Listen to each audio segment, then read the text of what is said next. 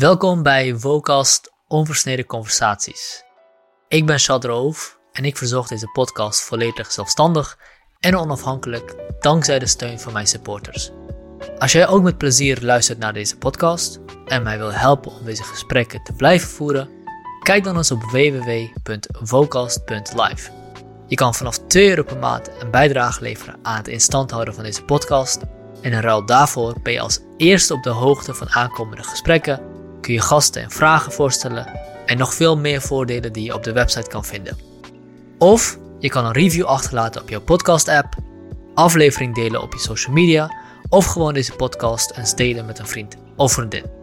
Dat is dus www.vocast.live. Deze link vind je ook in de beschrijving van deze aflevering. En ik wil je alvast heel erg bedanken dat je mijn sales pitch tot het einde hebt beluisterd. En veel plezier met het luisteren naar dit gesprek. Maar zij zegt dus ook van, eh, zij werkt nu dus voor het Rode Kruis, zij willen dus, dus in huis eh, een wervingsteam op gaan zetten. Omdat zij dus zoiets hebben, we willen mensen, niet die, die, die weer komen en gaan, we willen echt mensen die dedicated voor de Mhm. cast zijn. Dan vind ik het een ander verhaal. Dat, dat, heb ik, dat heb ik met Schaf ook gewoon heel erg. Ja. Het komt gewoon goed over, omdat ik ook echt achter sta. En als er mensen zijn die iets in twijfel trekken, dan zeg ik altijd ja, volgende week naar Duitsland of zo om stof in te kopen, je mag gewoon mee. Ja, nice. Dan, ja, nee, ja, dat hoeft. Ja, oké, maar ja. Ja, vertel, eh, vertel dan even, even over wat je doet, wie je bent Ja, en eh, over Schraf. nou, zoals je weet, ik ben Daan Schraven, Ja. eh, 25 jaar, geboren in Nijmegen, getogen in Nijmegen. Zeker niet van plan om te gaan. Ik heb gewoon zin hier. Eh, ja, ik ben drie jaar geleden ben ik Schaf begonnen. Sustainable streetwear noem ik het zelf. Gewoon vet. Eh, ja, duurzaam kledingmerk. Wordt, eh, alle kleding wordt gemaakt van restpartijen stof. Mhm. Dus, eh, dus ja, dat is eigenlijk gewoon kies een, kies een random modemerk. Die koopt 1000 meter roze stof in. En voor hun productie gebruiken ze maar 920 meter. Hou je 80 meter over. Bedrijven hebben de buiten nog binnen. Dus die hebben bij die 80 meter zoiets van, ja, gooi maar weg. Of Mhm. hoeven wij niks mee te doen. Nou, dat soort partijen haal ik overal en nergens vandaan. Om vervolgens dus gelimiteerde oplagen collecties van te maken. Eigenlijk allemaal met het doel om, om materiaalverspilling tegen te gaan. Dus je, je, je, je, je, je, zoekt die restpartij, je zoekt op wat eigenlijk andere mensen niet gebruiken. Mhm. En daar maak je weer nieuwe. Ja, daar maak je van. nieuw uit van, ja. Maar je bent ook nog gaan studeren, toch? Je, was, Ja. je bent net aan het afstuderen. Ja, ik studeer bent- naast nog Business Innovation Mhm. in Den Bosch. Nu zit nu in het vierde jaar. Dat is ook wel, eh, is wel tof. Die opleiding die richt zich dus echt op ondernemerschap, innovatie, duurzaamheid.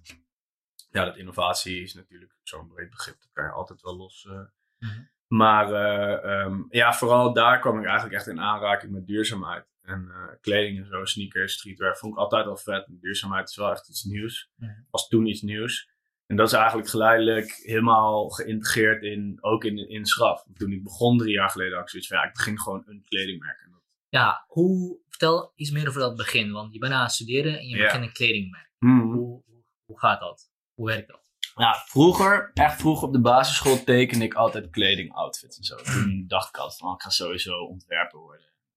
Maar toen was ik echt zes zo en dat was allemaal lelijk. Toen heb ik een ziek lelijk blauwe tanktop gemaakt samen met mijn moeder achter de naaimachine. Ja, zij genaaid en ik ontworpen en stof op de markt gekocht. Echt. Die tanktop is nog alive en die gaat een keer ingelijst in het kantoor komen. Fucking lelijk. Maar, eh, dus, dus dat, dat za- zaadje zat er altijd al. Toen ging ik naar de middelbare school en toen trok dat weg. Ehm, toen ging ik daarna bestuurskunde doen en toen was mijn creatieve ding al helemaal weg, zeg maar. Mhm. En toen kapte ik daar dus mee omdat ik zeker niet daar op mijn plek zat. Toen kwam ik dus bij de opleiding Business Innovation. Eigenlijk daar werd vanaf dag één al gezegd van... Yo, je moet dingen doen die je vet vindt en waar je energie van krijgt. En toen dacht ik van, ja, dat is wel gewoon...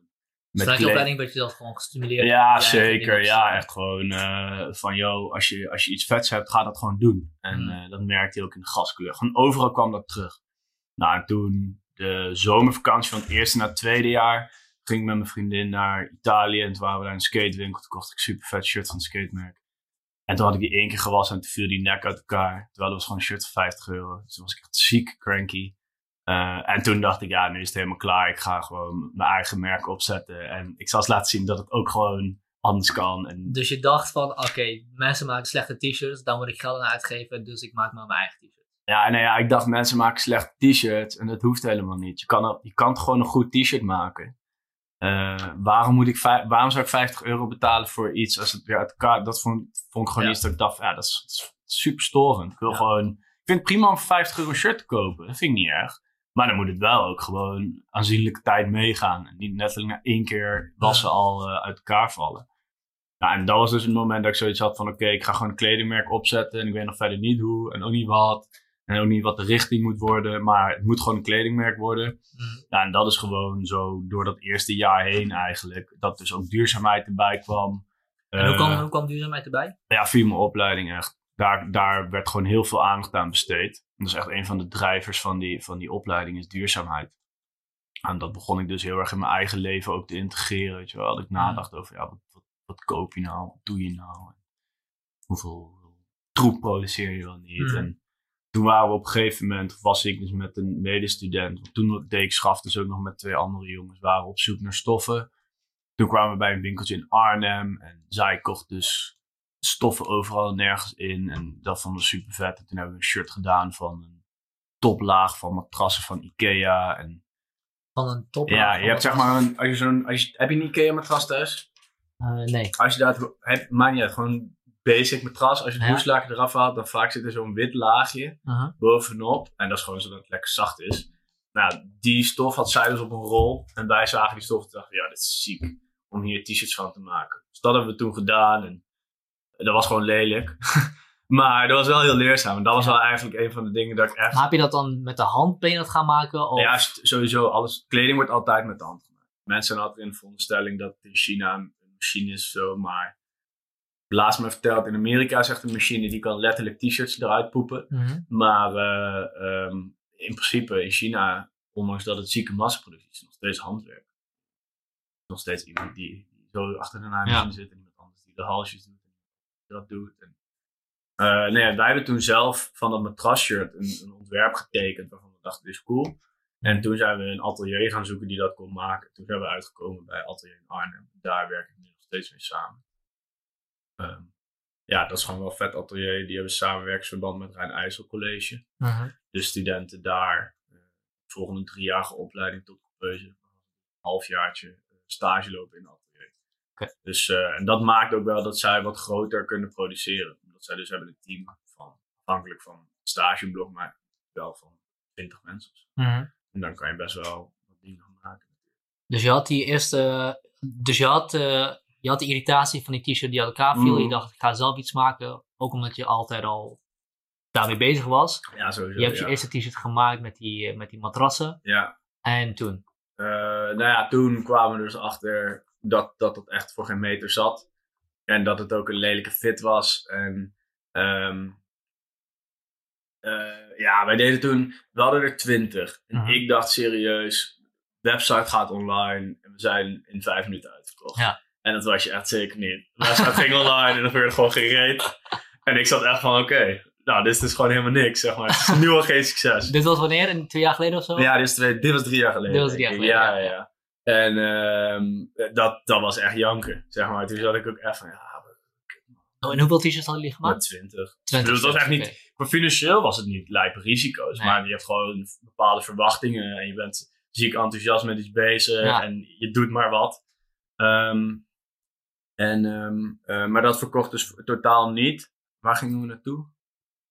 Ik weet niet ik, weet ik was er niet bij. Ehm, Wat was je volgende stap? Dus je oh, had die- je had- toen. Oh ja. Nou ja, toen, Die webshop toen, ging ja, toen, ja, toen kwamen we er heel erg achter dat de, dat de fit gewoon niet mooi was. En, en dat Ja. het niet goed zat. En toen, toen was er nog maar wisten, wisten mensen dat je het aan het doen was dan? Ja, het bestond oké. wel al, zeg maar. Er was een merknaam. En, dus dit dus bestond wel, maar we waren echt nog niet actief aan het promoten of zo.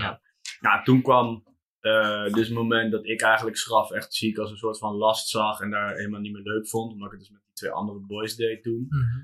Toen heb ik gezegd van, hé jongens, eh, eh, ja, of, of ik kap ermee. En dan mogen jullie ermee door. Of jullie twee kappen ermee. Dan ga ik er mee. Want de samenwerking ging niet goed of zo? Ja, ik voelde gewoon dat ik aan alle kanten beperkt werd in mijn doen en laten. En dat, Mhm. dat vind ik gewoon super storend. Want je had die twee erbij gehaald om je te helpen? Of? Ja, ja, Ja. want ik was dus in die zomer begonnen en toen kwam er een project voor school waarbij je dus je eigen onderneming mocht doen. En ik had dus al schraf. Dus toen had ik die twee gasten gevraagd van, joh, willen jullie, eh, eh, willen jullie meehelpen dan? En, eh, maar ja, Ik bedoel, dat was echt leerzaam. En toen hebben we al super fouten gemaakt waarvan ik nu nog steeds denk, ja, echt nice, echt goed dat je die hebt gemaakt. Wat was de, de grootste fout, of de beste fout? De beste fout was sowieso dat we op een gegeven moment dachten dat we dat een, een, een ui, letterlijk een ui, de groente, Ja, ja, ui, ja. zeg maar, ja, wij wouden een nieuw t-shirt op de markt brengen. Changing your layer game. Omdat we in de veronderstelling waren dat een dik t-shirt best wel nice zou zijn in de winter. Ja. Ehm, omdat de gasten die bijvoorbeeld skateboarden of zo, of buiten chillen, die, die zijn wel actief. Dus die hebben echt niet een dikke trui nodig. Dus dan is een t-shirt lekker. En we hadden een t-shirt met meerdere lagen bedacht. Ja. En dan als logo hadden we dus bedacht in het kader van changing the layer game. Layers is een ui. En toen hadden we honderd van dit soort patches besteld in de vorm van een ui.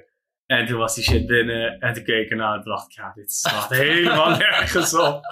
Oh, dat was fucking lelijk. Oh. Ja, het was Ja. gewoon lelijk. En ik bedoel, ja, dat, dat ui-idee was lachen, maar verder. Maar ik weet nog wel dat ik toen echt super hyped was over dat. Ehm, dus, maar dat was gewoon leerzaam. Dat laat Ja. ook wel zien dat je, eh, dat je zeker niet te snel moet opgeven. Dat ook wel realistisch zijn. En ik denk van, oké, really, deze ui. Echt waar. Ja, het is- Want uiteindelijk Uiteindelijk hebben we dat niet gedaan. heb je, heb je, het gewoon weg, heb je die hongerpleitjes gewoon weggegooid. Mm. Nee, tuurlijk niet. Wil je 100 ui-patches kopen? Ja, ik ga dat niet weggooien. Dat is natuurlijk zonde. Ik bedoel, mocht schaf over een paar jaar booming zijn, dan ga ik sowieso die uien. ja, Ja, en dat is het ook. Hè. Op een gegeven moment, als je bepaalde merknamen hebt, dan Ja. kan je echt dingen maken. ja, ja, precies. Als je die naamsgraf hebt, dan kun je gewoon uien verkopen als je wil. Ja, in principe kan je dan gewoon een keer in het kader van whatever, eh, food waste of zo, kan je een bak uien kopen en die verkopen. En dat zou dan mensen misschien nog wel tof vinden ook. Ja, ja, ja. Nou, en als je dan t-shirtjes erbij kan doen met een ui erop, ja, dat is, dat is booming.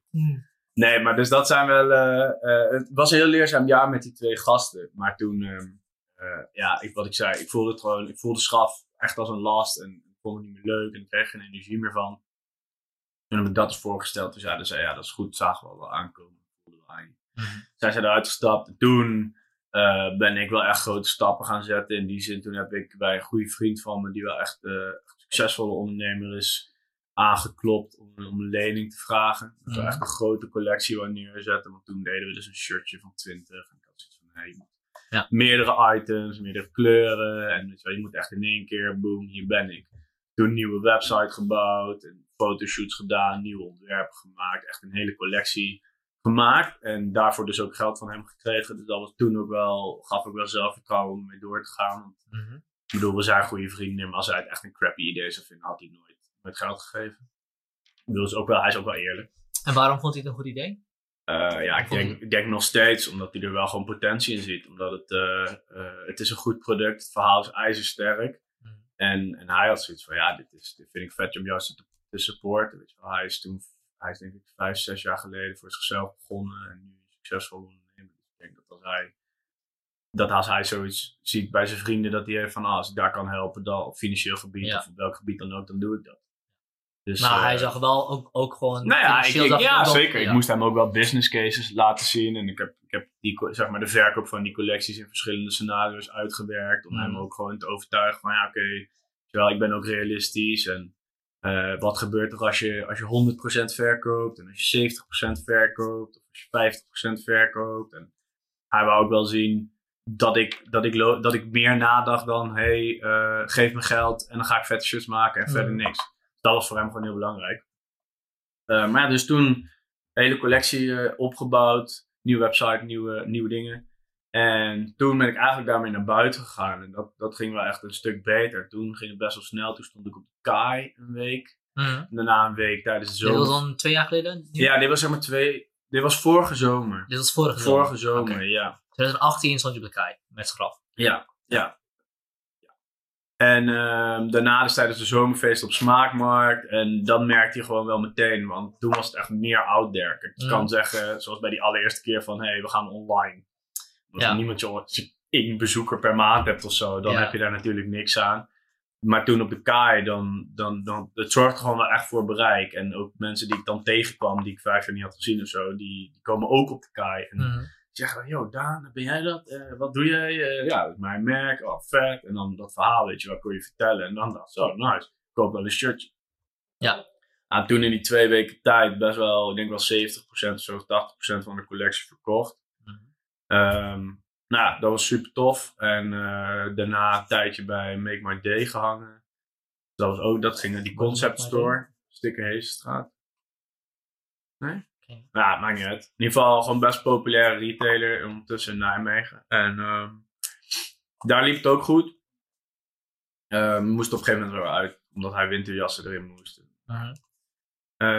En toen eigenlijk, na die eerste collectie, die dus die zomer best wel lekker ging, had ik al wel meteen zoiets van, oh ja, maar er is sowieso, eh, eh, ja, sowieso ruimte voor de tweede collectie. En ehm, toen ben ik dus weer bij die vriend van me aangeklopt van, hé, hey, nou luister, weet je wel, eerste collectie, dit is bereikt, dit is betaald, eh, dit zijn de inkomsten, dit zijn de plannen voor nu en daar heb ik weer geld voor nodig. En Toen zei hij, ja, is goed, maak maar weer die scenario's wat jij Ja. verwacht, wat ik ook een beetje realistisch vind. En dan kunnen we kijken, nou, dus tweede investering gekregen, tweede collectie. En, en daar ben ik eigenlijk nu, nu mee bezig om die nog te sluiten. Mhm. Ehm, en dat, dat gaat gewoon goed. Dat, maar dat is wel, dat, ja, dat is een beetje, het is moeilijk in te schatten. Dus Ja. Op de web, weet je wel, enerzijds verkoop je via de webshop en anderzijds op beurzen. En nu ligt het bij een retailer, maar eigenlijk zijn retailers voor mij niet heel fijn. Omdat, Want? ja, een retailer vraagt echt ziek veel marges. Ja. Wat niet gek is, want hij heeft natuurlijk, of de retailer heeft een knijterduur pand op een binnenlocatie, Mhm. of de binnenstad, dure locatie, die moet personeel daar neerzetten. Dus die maakt heel veel kosten. Maar omdat, je- ja, Schraf, je produceert alles in Nederland. Productie voor mij is gewoon echt wel duur. Mhm. En dat vind ik helemaal niet erg, want ik vind dat dat, dat super tof is dat dat helemaal bijdraagt aan het verhaal. En dat is ook volgens de waarde die ik heb. Maakt wel dat je winstmarges aanzienlijk lager zijn. Als er dan vervolgens iemand is die zegt, hey, we willen het wel voor je verkopen. Maar dan gaat 40 tot 60 procent van de verkoopprijs naar mij. Ja, dan, Dan, verkoop ik letterlijk voor daarvoor niks. Ja. En Ja. dan verdien ik daar niks aan. En dan ehm, kan je het hebben over, ja, maar dan heb je wel weer het bereik. En, Mhm. maar ik bedoel, de retailer koopt niet in. Want de retailers die doen bijna alles op merken die nog onbekend zijn op basis van co-associatie. Mhm. Weet je wel, als jij daar een, eh, als Daily Paper daar komt aankloppen, dan zij hebben een credibility opgebouwd, weet je wel. Dus, dus een retailer vertrouwt zo dat zij, dat zij 20, 30, 40, 50 basics verkopen van Ja. Daily Paper. Dat is geen risico. Dan zeggen ze prima, hey, we kopen er 50 in. Bij mij is het zo van straf. eh, ja, oké, wie ben jij en wat kom je doen? En eh, Dan wil je best wel een kans geven. We willen je een kans ga geven, Niet, eh, ga niet vooruit betalen. Nee, ja, dus, dus altijd sowieso co-signatie. Nou, dat, dat, daar kan ik nog wel in komen. Vind ik nog wel een legit Mhm. reden. Ehm, maar de marges, dat is gewoon idioot. En ik merk wel dat daar, daar, zit, daar moet ik iets mee gaan doen. Wat anders is dan, dan de traditionele eh, weg. Want dat, daarmee, ga je, Ja. daarmee verdien je niks aan. En dan Ja. kan ik ook niet verder. Maar even voor de. Want ben jij nou meer, meer een shut aan het verkopen of ben je meer een verhaal aan het verkopen? Ja, meer een verhaal aan het Ja. kopen. Wat, wat, is Ja. dat, wat is dat verhaal precies? ja, dat verhaal is dat je eh, op, een, op een echt op een fatsoenlijke manier kleding kan maken. En die er ook, zeg maar, met, met geen geiten wollen sokken verhaal. Mhm. Dus, dus dat is het. Kijk, je kan naar zo'n duurzaamheidswinkel gaan. Mhm. Duurzaamheid is, wordt toch, ondanks dat het echt wel populairder wordt, ook onder jongeren, nog steeds gezien als een soort van, van links hippie, grijs opa gedoe of zo. Mhm. Terwijl ik heb zoiets van, ja, maar je kan met de waardes die ik heb, kan je nog steeds gewoon een dik streetwear label neerzetten. Wat qua design er gewoon vet uitziet. Weet je wel, content ziet er vet uit. En, ehm, dus ik denk dat dat het sterke eraan is. Dat je die restpartijen gebruikt. Dus je hebt gelimiteerde oplages. Mhm. En dat is niet, niet eens zozeer omdat ik het cool vind. Wat ik wel vind. Maar Ja. ehm, het, het is gelimiteerd. Omdat je gewoon gelimiteerd bent in de middelen die je hebt. Mhm. En dat vind ik gewoon wel een super vet gegeven. Wat, wat ik ook wel vet aan vind, is dat je van, van, van afval iets limiteds maakt. Ja, of iets, iets zeldzaams maakt. Ja, tuurlijk. iets wat gewoon weggegooid zou worden. En Ja, jij komt daar en je zegt, ah, het is gewoon limited, dus we gaan er iets heel vets van Ja, maken. sowieso. En het is kwalitatief goed. Ja, En- ja dat, maar dat merk je ook wel bijvoorbeeld met, eh, ehm, eh, met die leger. We hebben doen nu shirts gedaan in de collecties en Mhm. ook wel tassen. Ja, tassen dus van oud spul van Defensie. Mhm. En dat is letterlijk zijn gewoon kuubkisten vol waarvan mensen zeggen, ja, dat, ja doe maar weg. Terwijl dat zulk ziek materiaal, joh. Dat is Ja. sixte kwaliteit. Bedoel, dat ja, is gemaakt voor het leger. Je gaat niet soldaten op pad sturen met een Primark shirtje. Ja. En, en ik bedoel, ik kan, maar dat is het gewoon. Ik denk dat, dat dat ook wel, als je het hebt over verkoop je een shirt of een verhaal, dat is het sterk. Ik vind het oprecht het meest idiote dat je dat soort kwaliteit, kwaliteitsstoffen, zeg maar, dat je dat soort kwaliteit Mhm. Dat je van dat soort dingen kan zeggen, ja, doe maar weg of zo. Ja, ja. Dat vind ik gewoon oliedom. Ja, inderdaad. Dus dat is gewoon, is gewoon weggegooid winst eigenlijk, Ja, als niemand er gebruik van maakt. ja, ja, sowieso. Ja, even los van inderdaad dat je, dat je eh, ecologische winsten mee behaalt en save the planet. Ik bedoel, Mhm. Het is letterlijk waardevol. Ja. Maar die waarde moet je wel weer opnieuw zien. Precies, je moet het opnieuw gaan produceren of je moet er iets nieuws Ja, van je moet maken er of- iets nieuws mee doen. Kijk, nu ook. Ik heb bijvoorbeeld, ik zit nu, eh, een vriend van mij, die doet echt veel bij BVA-auctions en dat soort executieveilingen. Maar dat is eigenlijk echt helemaal, het gaat veel meer richting industrieën op, weet je wel. Mhm. Maar daar heb ik nu ook een- iemand gevonden die dus handelt in oude dingen van Defensie. Ja, hij heeft kubkisten vol met legeroverals. Ja, dat is echt, dat is nice, maar die gaat niemand, niemand gaat meer nog in deze tijd een legeroveral kopen. Ja. Terwijl de, mat, de materialen die ervoor zijn gebruikt, die zijn super waardevol. Dus je kan dan of zeggen, nou, oké, doen we er niks mee of zo, of branden we Mhm. het of iets. Of je kan denken van, ja, oké, hoe kan ik die materialen innemen en daar weer iets vets van maken, zodat mensen het wel weer willen gebruiken. Ja. En zo zijn er gewoon superveel dingen die geproduceerd zijn. En zoals je nu vertelt, klinkt het alsof je dan een heel raar shirt zal gaan krijgen. Maar als ik naar het shirt kijk wat je aan hebt, of voor mij is het even niet shirt. Het is gewoon, het is gewoon een shirt. Ja, zeker, maar dat is ook gewoon omdat het wel... Kijk, bij de tassen is het een ander verhaal. Want dat is wel inderdaad echt wel, dat zijn stukken Mm. die aan niet zozeer... Het is geen lapjes. Ik denk dat heel veel mensen dat ook snel denken. Dat het een soort van lapjesdoek wordt of zo, met Ja. allemaal stukjes en vakjes en dingen. Dat is bij die tassen wel meer, want ja, je haalt natuurlijk iets uit elkaar. Maar in dit geval is het gewoon echt doek. En het is doek, zeg maar, doek wordt vaak op 1,40 breed gebreid. Mhm. Ja, als er bij, bij 1,30 zeg maar één steek fout gaat, dan zegt de afnemer al, ja, dan hoef ik hem niet meer. En terwijl je kan prima om t-shirts, zeg maar, gewoon deze strook afknippen, zodat je die foute steek niet meer gebruikt. Ja. En vanuit dit stuk gewoon nog t-shirts maken. En doen die afnemers dat omdat ze vanwege het feit dat ze op zo'n grote schaal opereren, dat ze daar gewoon geen plaats voor hebben in hun operaties of in hun workflow? Of is het gewoon omdat het gewoon te veel moeite is? Ja, ik denk te veel moeite. Ja, ja, en, en, nou ja en, maar wat je dus bijvoorbeeld ook ziet, is dat kwaliteitseisen zijn gewoon super hoog. Want die kunnen zij weer stellen. En, want anders gaan ze gewoon naar een andere supplier. Dus het is ook een soort van... Wat, wat zeg maar grote merken doen, dat is al helemaal sick. Die gaan... ehm, die zetten bijvoorbeeld een order voor een collectie. Mhm. Duizend spijkerbroeken. Zetten ze uit bij vier fabrieken. Mhm. En wie dan het snelste levert, die krijgt hem. Maar, Dus- dat, maar dat betekent dus dat die andere drie fabrieken gewoon voor de katse kut eh, die duizend broeken maken. Want die zitten dan ermee. Maar, hoe, Want die zijn later. maar hoe werkt het dan? Want zij hebben die broeken besteld. En dan zeggen ze, Zij spreken af met de fabrieken van, yo, wij, wij willen deze order, we willen deze broek, duizend broeken. En eh, ja, die willen, wat is het? En dan zegt die fabriekseigenaar, van, ja, wat is de deadline? En dan zegt, H&M, ja, zo snel mogelijk. ja, Ehm, en want we hebben deze order ook bij drie anderen lopen. En wie het snelste is, die gaan we betalen. Dus al die gasten gaan als een malle zo snel mogelijk die broeken produceren. dat Ik is- bedoel, en dat kan gewoon uit, dus ook, hè. Ja, maar- Ja, oké, maar dat is toch, dat, dat is toch heel, dat, dat, is, dat, dat is heel raar. Want alsof ik naar de bakker zou gaan en zitten vier bakkers naast elkaar en ik zeg, yo, ik wil een broodje, broodje gezond, wie het snelst klaar is, die ga ik betalen. En de rest, En de rest niet, maar, dat, maar dan wordt er gedaan. Nee, omdat je, maar dat is toch niet zo raar als je alleen maar denkt met centen. Dus je krijgt dan zo snel. Iedereen wil het zo snel mogelijk voor de allerlaagste Mhm. prijs. Dus een HM, die is, dat is zo'n grote afnemer. En dan bedoel, nu hebben we het over duizend, maar waarschijnlijk gaat het over veel meer. Ja, die, bedoel, die winstmarge die zij pakken, daarvoor vinden ze het prima. En die andere partijen betalen ze ook niet. Het Ja. is niet dat ze zeggen, hier heb je het geld. Super zielig dat je laatste was. Ik bedoel, die betalen ze letterlijk niet. En dat dan die fabriek daarmee zit, ja, dat is toch niet hun ja, probleem. nee, dat is niet een probleem. En wat gebeurt er dan met die broeken op die drie, drie fabrieken die... Ja, Ja, dan gaat misschien naar weer een andere markt. Misschien gaat het weg. heel vreemd. Eh, maar deze fratsen creëren wel, wel ruimte voor jonge ondernemers zoals jij, om daar eigenlijk op in te gaan spelen. Ja, en op een kleinere schaal eh, gewoon dingen op te gaan pakken. Ja. Ja, zeker. Ja, alleen, je merkt gewoon alleen dat, dat juist ehm, het opschalen ervan is, is, dat vraagt gewoon best wel veel geld als kledingmerk om echt groter te worden. En dat is Mhm. vooral gewoon dat je een, een ziek budget aan marketing nodig hebt. Ik ben nu dus aan het afstuderen, aan het kijken naar de mogelijkheden voor een eigen atelier. Ja. En dat kan. En dat kan in Nederland ook nog prima. Mhm. Even, het moeilijkste is gewoon in Nederland dat je minimumloon hebt. Eh, daar moet je aan voldoen. Ja, vervelend Is- mensenrechten. Ja, super storend verhaal. Ik wil het liefst gewoon een paar guys zien. Is het voor 1 euro per shirtje of zo?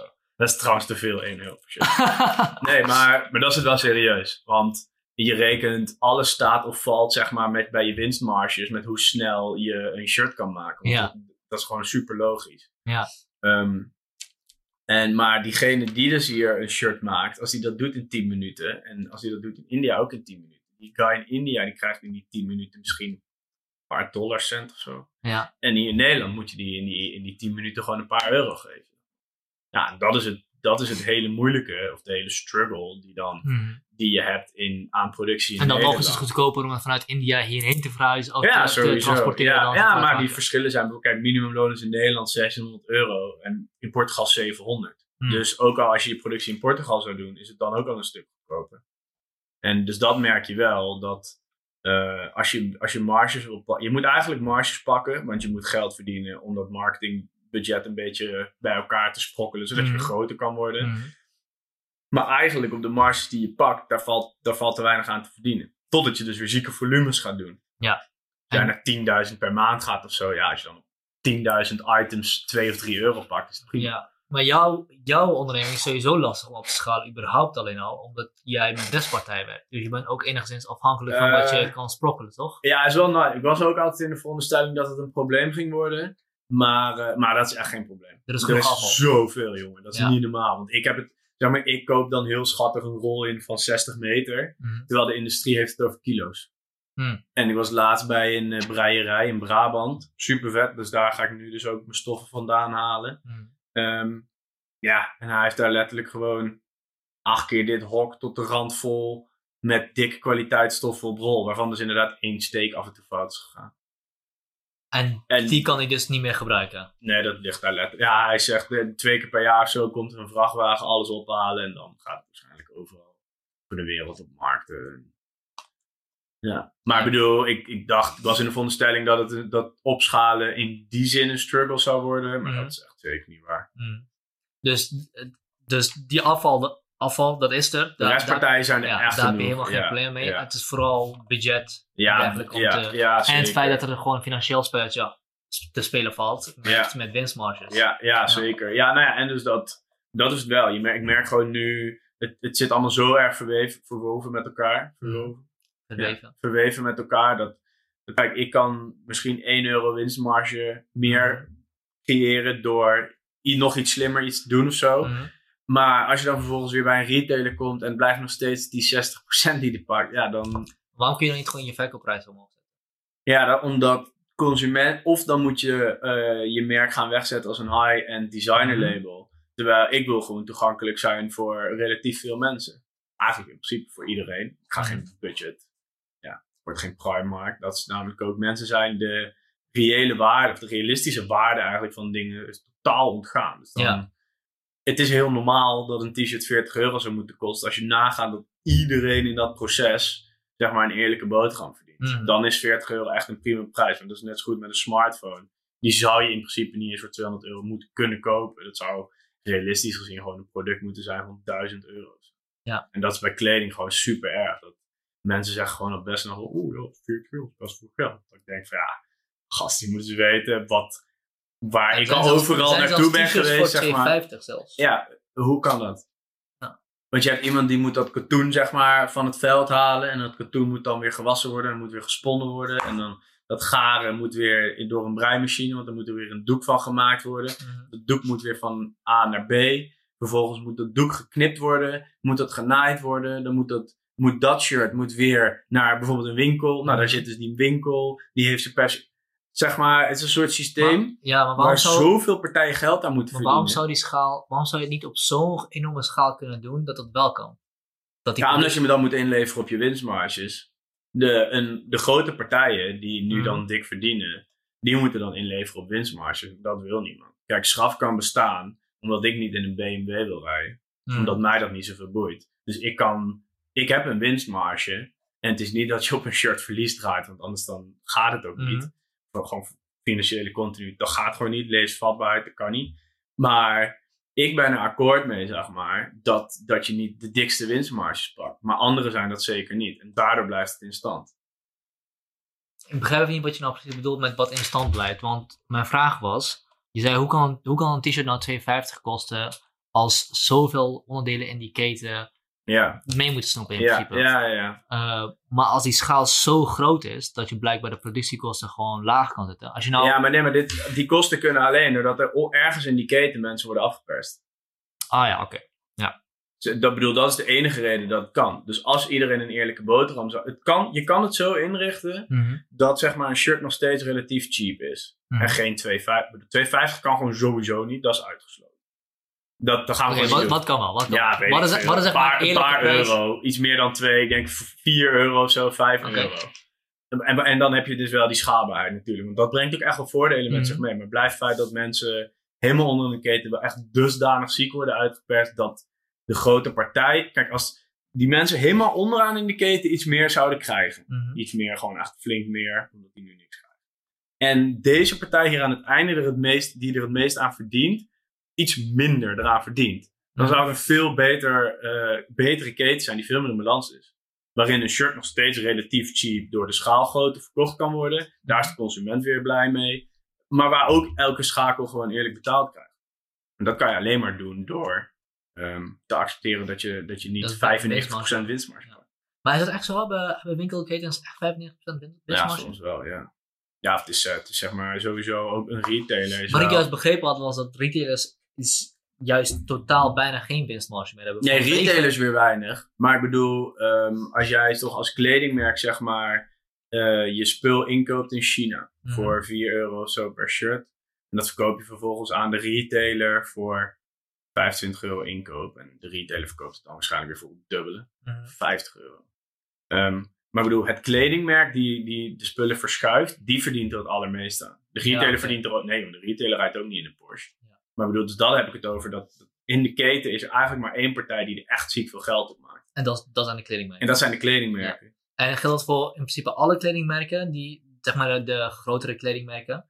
Of geldt het alleen voor high-end kledingmerken en niet voor budget Nee, kledingmerken? voor alles. Maar ik bedoel, dat, ja, ligt er natuurlijk aan. Kijk, mud jeans of zo, Mhm. die, die zijn echt, op, die, die, die, die doen het gewoon super vet. Weet je. Die hebben een samenwerking met Belgan fabriek in Italië, volgens mij, als ik het goed heb. En, maar zij zorgen ervoor dat iedereen gewoon fair betaald wordt. Mhm. Daardoor zijn die broeken ook 110 euro of zo. Wat dan mensen weer veel te duur vinden. Terwijl, ja, dan kom je weer terug op waar we net waren. Ja. Nee, dat is het niet. Iedereen heeft hier een eerlijke boterham aan verdiend. Ja. Maar ik bedoel, ik denk dat je wel...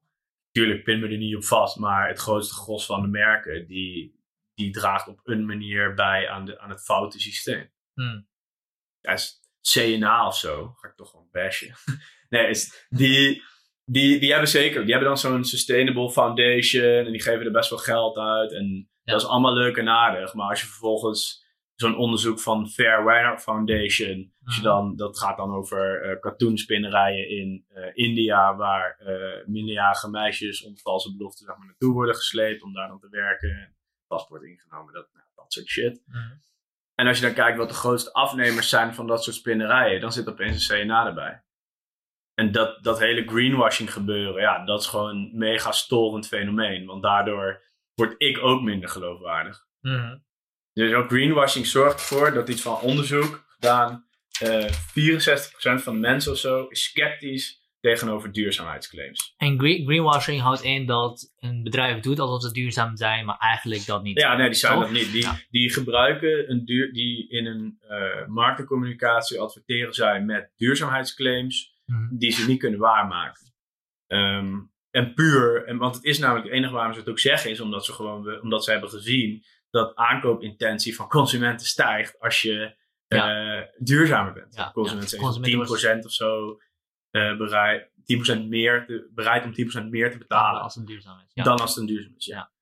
En het is sowieso een raar verhaal ehm, ehm, met, met grote corporates. Ja. Eh, want aan de ene kant lijken ze iets, inderdaad iets goeds te willen doen, maar aan de andere kant zitten ze nog steeds met die economische realiteit waarin ze gewoon in een super ziek competitief veld zitten. Ja. Dus ze moeten gewoon dat kleinere, of dat, die, Ja, maar, ja, maar ik denk, maar dat vind ik wel interessant. Ik vind dat ook echt wel interessant, want het is, Mm. het is ook wel in dit hele duurzaamheidsverhaal altijd een soort van boze vinger wijven- wijzen naar de corporates. Aan de andere kant heb ik ook echt zoiets van, joh, een CNA is zo groot. Zij kunnen letterlijk, zij hebben zoveel impact, zeg maar. Zij kunnen juist, zij, zij zijn juist een partij die kunnen zeggen: hey, wij gaan het vanaf gisteren radicaal omgooien. Mhm. Ehm, en we gaan op alles toezicht houden. We gaan die hele keten verbeteren. Zij kunnen het doen. Ik probeer dat met echt een, eh, echt een budget van heb ik jou daar. Mhm. Eh, en een CNA die zou dat echt kunnen doen. Ja, Nou ja, CNA kan het niet zomaar doen, want dan, gaan ze, dan wordt, wordt een kleding duurder dan de H&M. En als het meer dan 10% duurder wordt, zoals je al zei, gaan mensen er niet van kopen. En dan, dan, Ja. dan valt het uit elkaar. ja, ik ben, nee, maar, Tenminste, als het veld zo competitief is. Ja, maar ik denk dat het gewoon een stap is die je moet durven te zetten. En ik ik durfde wel het eerste jaar zal dan misschien wat moeilijker zijn. Maar dit is een verandering. Dat hele, de hele duurzaamheidstransitie is wel gewoon een verandering waar iedereen aan mee gaat doen. Mhm. Ik weet- Ik weet, bij, ik bedoel, zelfs Shell zegt nu al dat ze dingetjes doen. Wat Ja. altijd, Altijd een vraag. twijf, ja, altijd twijfelachtig is natuurlijk. Maar ehm, als zelfs dat soort partijen nu al zeggen daar Mhm. dingen mee te gaan doen, dan eh, is het wat. Volgens mij is het alleen maar een kwestie van tijd voordat echt alles en iedereen daar naartoe Ja, dat denk ik ook. Ik denk ook dat zeker alle, al die bedrijven in, in een kwestie van tijd. Ja. Dat een kwestie tijd is voordat ze echt gaan veranderen en andere dingen gaan aanpakken. Al is het alleen maar omdat er steeds meer kleinere spelers op het veld komen. Zoals jij. daarom, daar zijn ze ook wel bang voor. Hè? Want dat is ook, dat lijkt mij ook super vet. Kijk, ik zou ziek graag met schraf. Ik ben nu dus aan het kijken voor het atelier. En er zit er dik in dat het gaat komen. Ik ga als het atelier staat, gewoon elke dag een brief sturen naar Nike. Of elke dag een brief sturen naar gewoon merken waarvan ik denk die zijn vet. Hmm. Maar die doen het zeker nog niet helemaal goed. Gewoon zeggen van, joh, kom eens kijken. Want ik maak ziek vette tassen van oude Defensie jas. Ja. Adidas gaat trouwens ook doen, hè? Adidas is, de, Adidas is eigenlijk de enige in, in, in die wereld die daar, die daar echt stappen in zetten. Ja, volgens mij Dat wil is ze super vet. voor- 2024 of zo, plastic, plastic dat ze vrij. alleen maar gebruik, Ja. of, eh, eh, recyclede spullen Ja. gaan gebruiken. Ja, dat is vet. Zij doen met, samen met Parley, werken zij. Dat is een organisatie die haalt eh, visnetten van de bodem. Mhm. Van de visnetten kan je weer eh, ehm, pellets maken. Weet je wel. Van die pellets kan je weer eco-nieuw garen. Ehm, ja, dat is dus of maken. En eco-nieuw? ja, dat is dus een, een nylon garen, zeg maar. En Ja. dat kunnen ze weer super goed gebruiken op schoenen. Oh, leuk. Ja, dat is wel vet. En volgens mij hebben ze nu, zijn ze ook bezig met een, met een circulaire sneaker die je dus kan kopen en weer kan inleveren. En dan gaat het weer door een crusher. En dat is gewoon wel vet. Juist dat soort partijen, die, die kunnen ziek op dat gebied gewoon innoveren. Mhm. Die hebben daar gewoon budget voor. Ja, die kun- ik ben met je eens, ze kunnen heel veel. Alleen ik denk dat wanneer je zegt ze kunnen het gisteren al doen, dat, ik denk dat dat een te sterke uitspraak is. Want ze, zij hebben gewoon een enorm log construct. Ja, Staan. ja, ja, tuurlijk. Maar dat is mijn veel radicaalheid. mensen, ja. En aan de ene kant ben ik het wel mee eens van, joh, zo zou je er wel in moeten staan en zeggen van, joh, eh, ga aan de slag, ga shit Ja, doen en geen ja. excuses. Maar aan de andere kant denk ik dat zij gewoon met een economische realiteit zitten en ook gewoon duizenden en duizenden mensen hebben die voor hen werken. Ja, maar die duizenden mensen komen toch weer niet op En- straat als ze het wel fatsoeneren. Weet ik dus niet. Ik weet dus niet. Ik denk, ik denk dat er een grote kans is dat als zij eh, te snel veranderingen door gaan voeren, dat ze gewoon hun competitie-element verliezen. Ja, maar, dat, maar ik denk dat dat misschien nog wel, dat daar wel een kern van waar zit, dat het vooral niet te snel moet gaan, omdat gewoon heel veel consumenten, vooral de consumenten, zeg maar, moeten wennen aan, het grote gros, de massa moet gewoon heel erg wennen aan al die duurzaamheidsdingen. Ja. En iedereen heeft het gevoel dat ze niks leuks meer mogen doen en dat ze op alles in hun leven moeten inleveren. Hmm. Ja, oh, mag ik ook al niet meer vliegen? Mag ik? Het, lijkt, het voelt als heel veel belemmeringen. Ja. Terwijl het eh, volgens mij juist eigenlijk heel bevrijdend is om veel nicer bezig te zijn. Het voelt gewoon beter. Het voelt Mhm. voor mij gewoon persoonlijk beter om te Mhm. doen. Ik voel me daar gewoon wel eh, goed bij, zeg Ja. maar. Zeker, zeker. Je had ook in het begin dat je over dat je als co- consument wat kritischer moet zijn. Ja. Ja, sowieso. eh, want, waarom? Ehm, nou ja, enerzijds omdat je dus anders gewoon best wel snel genaaid wordt. Ehm, nee, maar en, en gewoon omdat, kijk, als je het hebt over, over al het consumeren, dan, ehm, of over duurzaamheid en dan dus over consumeren. Als je wat kritischer kijkt naar wat je echt nodig hebt en de dingen die je echt koopt en zo, dan, dan hoef je ook gewoon echt minder te kopen. Kunnen Mm. heel veel dingen ook via een andere manier. Laatst bijvoorbeeld had ik, ehm, ik woon nu dus samen met mijn vriendin, woonkamer, een nieuwe speakerset nodig en een versterker. Eh, want ik heb plaatsspelen, super cool. Leuk. En je zou dus in principe als consument super gemakkelijk gewoon Bakshop of Coolblue of whatever. Mhm. Versterker bestellen, speakers bestellen, enter, klaar, morgen in. Je kan ook gewoon naar de tweedehands winkel. Daar met zo'n zo'n guy, zo'n supermooi beunhaas, zeg maar, die lijkt veel verstand heeft van versterkers. eh, in gesprek gaan, wat je nodig hebt. Checken. Ik heb nu letterlijk Een super vette Akai versterker voor 7 euro. Mhm. Eh, een tulpkabeltje voor 50 cent. En twee Philips speakers, ziek goed geluid, voor 4 euro per stuk. Dus je bent en cheaper, maar en daarnaast door gewoon net even wat meer moeite te steken in wat je doet. En net Mhm. eens wat kritischer te zijn op Mhm. jezelf vooral. Ehm, financieel nice, gewoon goedkoper. Eh, sociaal nice, want dat werk maakt het mogelijk dat zo'n gast daar eh, ziek bevlogen altijd versterkt zijn speakertjes kan knutselen. Mhm. Ehm, ecologisch, want er hoeft helemaal geen nieuwe speaker gemaakt te worden. inderdaad. En dat vind ik gewoon super vet. En als je er een Bluetooth receiver in doet, heb je ook nog een draadloze. Precies. Ja. Zo'n TP-Link kastje. Ja, Ja, ja, Eh. Google Chrome Audio kun je ook erin Oh ja, nee, maar bedoel, dat zijn vette dingen. Kijk, dat is ook echt wel. eh, ik ben echt niet heilig. Maar ik denk dat je alleen al door dat soort, over dat soort dingen na te denken, dat je echt nog best wel veel kan doen. Stel je Ja. voor dat, dat morgen, zeg maar, iedereen zegt van, joh, wij gaan al onze elektronica alleen maar tweedehands kopen. Ik bedoel, dat is echt even zuur voor Philips. En alle andere grote partijen, die kunnen daar echt wel een ander verdienmodel op, op denken. Mhm. Het zou super vet. Ik zou dat super vet vinden. Mijn ideale wereld ziet er ook veel meer uit als zoiets dan eentje waarin we veel meer kopen. Hmm. Wat wel moeilijk is, want anderzijds heb je een kledingmerk en dan wil je verkopen om te kunnen leven. Ja, ja. Uiteindelijk moet jij natuurlijk ook gaan zorgen dat je zoveel mogelijk verkoopt. Ja, uiteindelijk wel. Maar ik ben nu zo ook, eh, als dat atelier staat, en dat is ook, je hebt maar zoveel tijd en ruimte in je hoofd. Ehm, maar ik ben heel erg, ik heb ook minor circulaire economie gedaan. Circulaire economie, gewoon super vet dat je, dat je kop in een soort infinite loop blijft natuurlijk. Mhm. Ehm, dat zou ik ook graag met schaf-items willen doen. Maar ik heb daar gewoon nog geen. Ik heb daar gewoon geen tijd over gehad om daar vette concepten voor te bedenken. dat om dat te ontwikkelen. Maar ik bedoel dat ik dat wil gaan doen, staat vast. Ja. Want ik wil inderdaad niet zometeen zijn dat ik aan de ene kant schreeuw van ja, we moeten minder kopen. En duurzaamheid.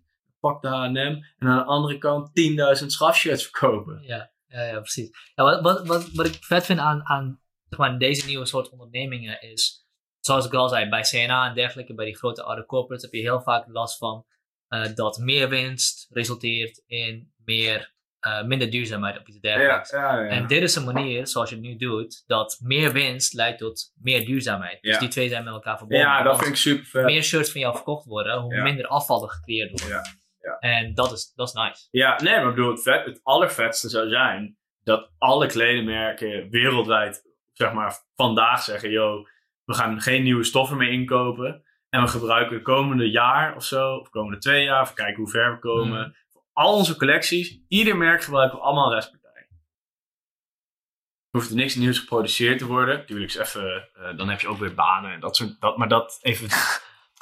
Nee, maar, even los maar- daarvan. Maar dat, Kijk, dat, is, het hele probleem, want inderdaad, ze hebben die, ze hebben die banen. Ja, maar er komt er wel weer iets nieuws. Hè. Ik bedoel, dus er zijn ook weer mensen nodig die al die restpartijen moeten, bij elkaar moeten halen. En die dat moeten knippen. Dus dan is dat ook Mhm. weer een job, zeg maar.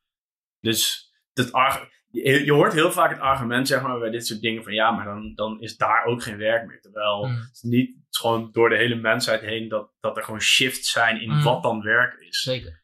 Ehm, dus ik verwacht, ik denk ook niet dat als je zo'n duurzame transitie maakt, dat opeens de helft van de wereld eh, zonder baan thuis zit. Mhm. Ja, of dan krijg je robotisering en dan moeten we echt een ander gesprek gaan voeren. ja, ja, ja. Nee, maar ik denk ook niet dat... Nee, tuurlijk niet. Ik denk niet dat dat, dat, dat, dat, dat zo catastrofisch zou zijn, maar... eh, het is ook te makkelijk gezegd dat, dat een bedrijf dat vanaf morgen al zou kunnen gaan doen, zonder, zonder negatieve gevolgen voor een groot deel van, van, van hun werk, werknemers. Ja, ja, ik weet, maar dat is wat ik zeg. Ik ben gewoon altijd super radicaal. Mm. Dus het is alles Ja, ja. of niets. Ja, Dus oké. als je zeg maar iets doet, dan ga je all the way en anders doe je het lekker niet. Dus als Nice. ik iets ook niet meer wil doen, dan doe ik het ook gewoon weer niet. nice. Wat, eh, wat zijn je toekomstperspectieven? Maar wat, Ja, nou ja, waar, wil- sowieso waar wil dus- je heen over vijf jaar?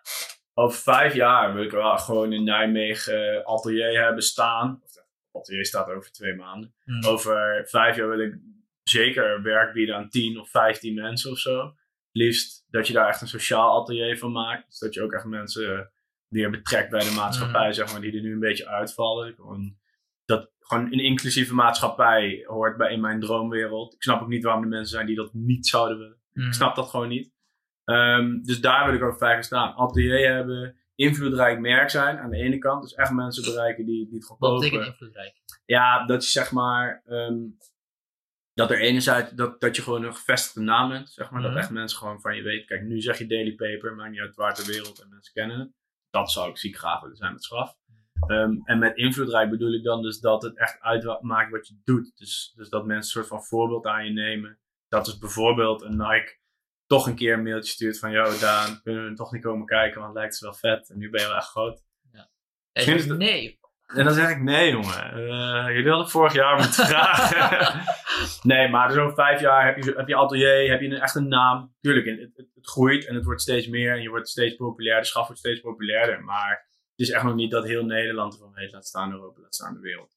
Vijf jaar heb je atelier, ben je bekend, heb je 10 man, 15 man in dienst. Maak je gewoon vette collecties. Heb je zo'n circulair model waar je, waar je wat mee kan doen. Mhm.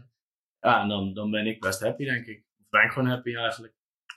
Vet. Ja, En eh, als iemand nou zelf ook zoiets zou willen doen wat jij aan het doen bent. Niet per se in kleding of Ja. whatever, maar een bepaald verhaal heeft of een idee heeft en dingen wil veranderen. Wat, wat, wat voor advies zou je hebben?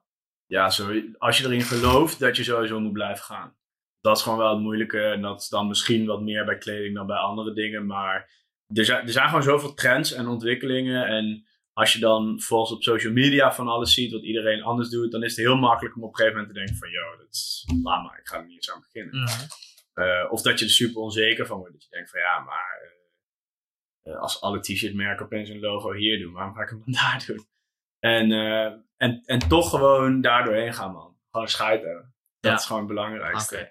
De belangrijkste tip is gewoon scheid hebben en gaan. Ja, mij sowieso. toch? Ja, Ja. je moet Ja. er gewoon zelf in geloven. En dan, dat is soms echt wel moeilijk. Maar zolang je dat blijft doen, dan kan je dat ook overbrengen op anderen. En, zolang, ja, en als je dat doet, dan, dan, dan heb je volgens mij een hele nice verstandhouding. Weet je wel. Ja. Als je hier als een of andere sales guy een fout shabby verhaal over schaf vertelt, ja, dat, dat komt toch ook niet binnen. Mm. Vet. Ja. Vet. Ik heb, geen, heb jij nog vragen, Jason? Nee. Uit man, dan wil ik je Nice. gewoon fucking bedanken. Ja, tuurlijk man. Eh, vet gesprek. Ik hoop eh, veel succes met, eh met Schrap. Ik hoop dat het echt groot gaat worden. Ik vond het erg leuk. En, misschien over vijf jaar nog een keer, dan kijken waar je bent. Ja, sowieso dan iemand van Nike erbij. Ja, Ja, je weet het niet. Nee, leuk man. ja dankjewel. Dankjewel, dankjewel. Wow.